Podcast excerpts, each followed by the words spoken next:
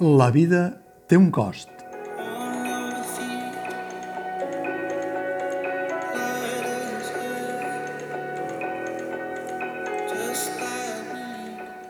Per parlar de la solitud, de la necessitat d'estima, del rebuig dels prejudicis o de l'estigma de ser diferent, sovint no cal un gruixut tractat de psicologia o un assaig sobre les relacions humanes, sinó que n'hi ha prou amb una obra teatral que grati en les qüestions més aspres per extreure'n el punt de dolçor que es poden trobar en el seu fons.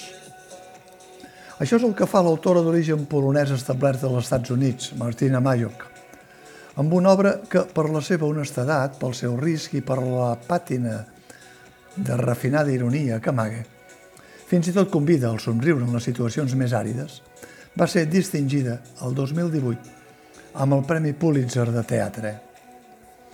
Només quatre personatges, un d'ells, el de la cuidadora, aparentment el que representaria els inicis precaris de la mateixa autora, immigrada, amb la seva família polonesa als Estats Units, i, encara més, quan crea l'univers de ficció de cos de vida a partir que rep la notícia d'una mort propera i, sense recursos, per sortir de Nova York, topa amb un taló de neu que cau en un dia de gener.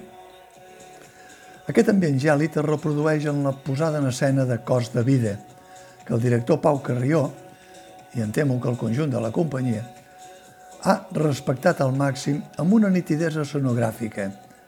Unes capses de cartró, una banyera, un tamboret. Probablement la trama té alguns girs que poden desconcertar o mig confondre els espectadors. Tant hi fa.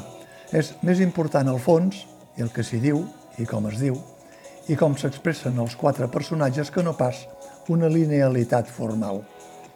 Per això, els quatre intèrprets, sobretot, és clar, els dos que fan els papers més delicats, el de la dona tetraplègica després d'un accident, Anna Saún, i el del doctor universitari en paràlisi cerebral, Pau Roca, han fet una mena de masterclass amb especialistes de l'Institut Goodman per entendre les reaccions i els sentiments dels pacients que hi han de recórrer després de perdre una part de les seves facultats de moviment o de parla.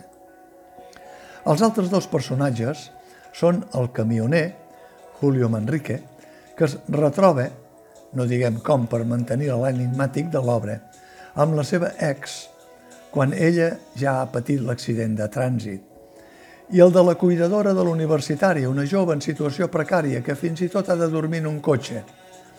Catherine Bankova, l'actriu d'origen búlgar establerta aquí des de petita, i que dota de vorositat el seu personatge.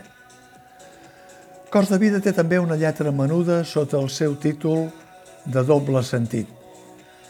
Cuidar de la vida, de la vida digna, té un cost, el físic, però també té un altre cost, l'econòmic.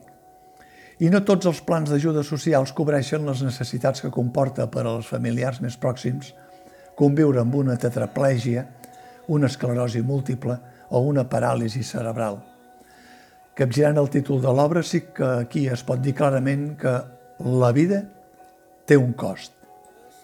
Hi ha dues cadires de rodes que marquen la frontera entre la llibertat personal i la dependència absoluta. Hi ha també una treballada interpretació tant d'Anna Saún, immobilitzada de mig cos en avall, i de Pau Roca, que caracteritza l'expressió tremolosa a causa de la paràlisi cerebral, però que supera amb una intel·ligència que no ha perdut i una vena humorística que el fa entranyable. Dues interpretacions que no pretenen en cap cas fer creure que són reals i que trenquen l'alè de màgia quan s'aixequen de les cadires en una opció de la versió de Pau Carrió. És aleshores quan es planteja el dubte de si la reclamada inclusió en teatre ha de venir d'intèrprets professionals que la representin amb excel·lència com ells dos, o ben al contrari, ha de venir d'intèrprets professionals o no, però que en siguin protagonistes autèntics.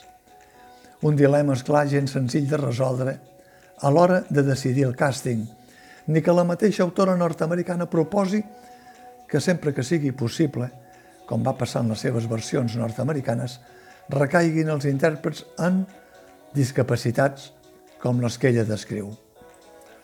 L'obra té també contingut en el seu discurs, a vegades en poques paraules, en frases entretallades, a vegades amb un mini monòleg d'obertura que fa esborronar i que és a càrrec del camioner, ara a l'atur, Julio Manrique, que ha perdut la que havia estat la seva dona i que entra en el joc màgic, hauria de dir potser esotèric, que dona peu a tot el que vindrà després.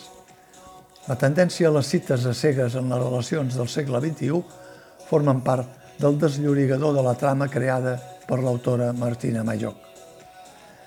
Cos de vida és una obra que cal resseguir com qui fa equilibris sobre un cable de maroma. Ho han de fer els intèrprets i ho han de fer també els espectadors, ni que el somriure provocat per les guspires d'humor de l'autora es pugui arribar a glaçar. I l'èxtasi de superar la maroma es troba en moments d'extrema delicadesa com quan l'exmarit camioner sembla que acaroni les tecles d'un piano, quan neteja amb cura la pell de la seva ex, ja tetraplàgica. Cos de vida és una aposta arriscada teatralment, com les que ha fet anteriorment la companyia Sixto Paz. Però el risc té la compensació de crear un pou de reflexió sobre els reptes de la vida moderna, més enllà de les circumstàncies que s'hi relaten dels quatre personatges que protagonitzen l'obra.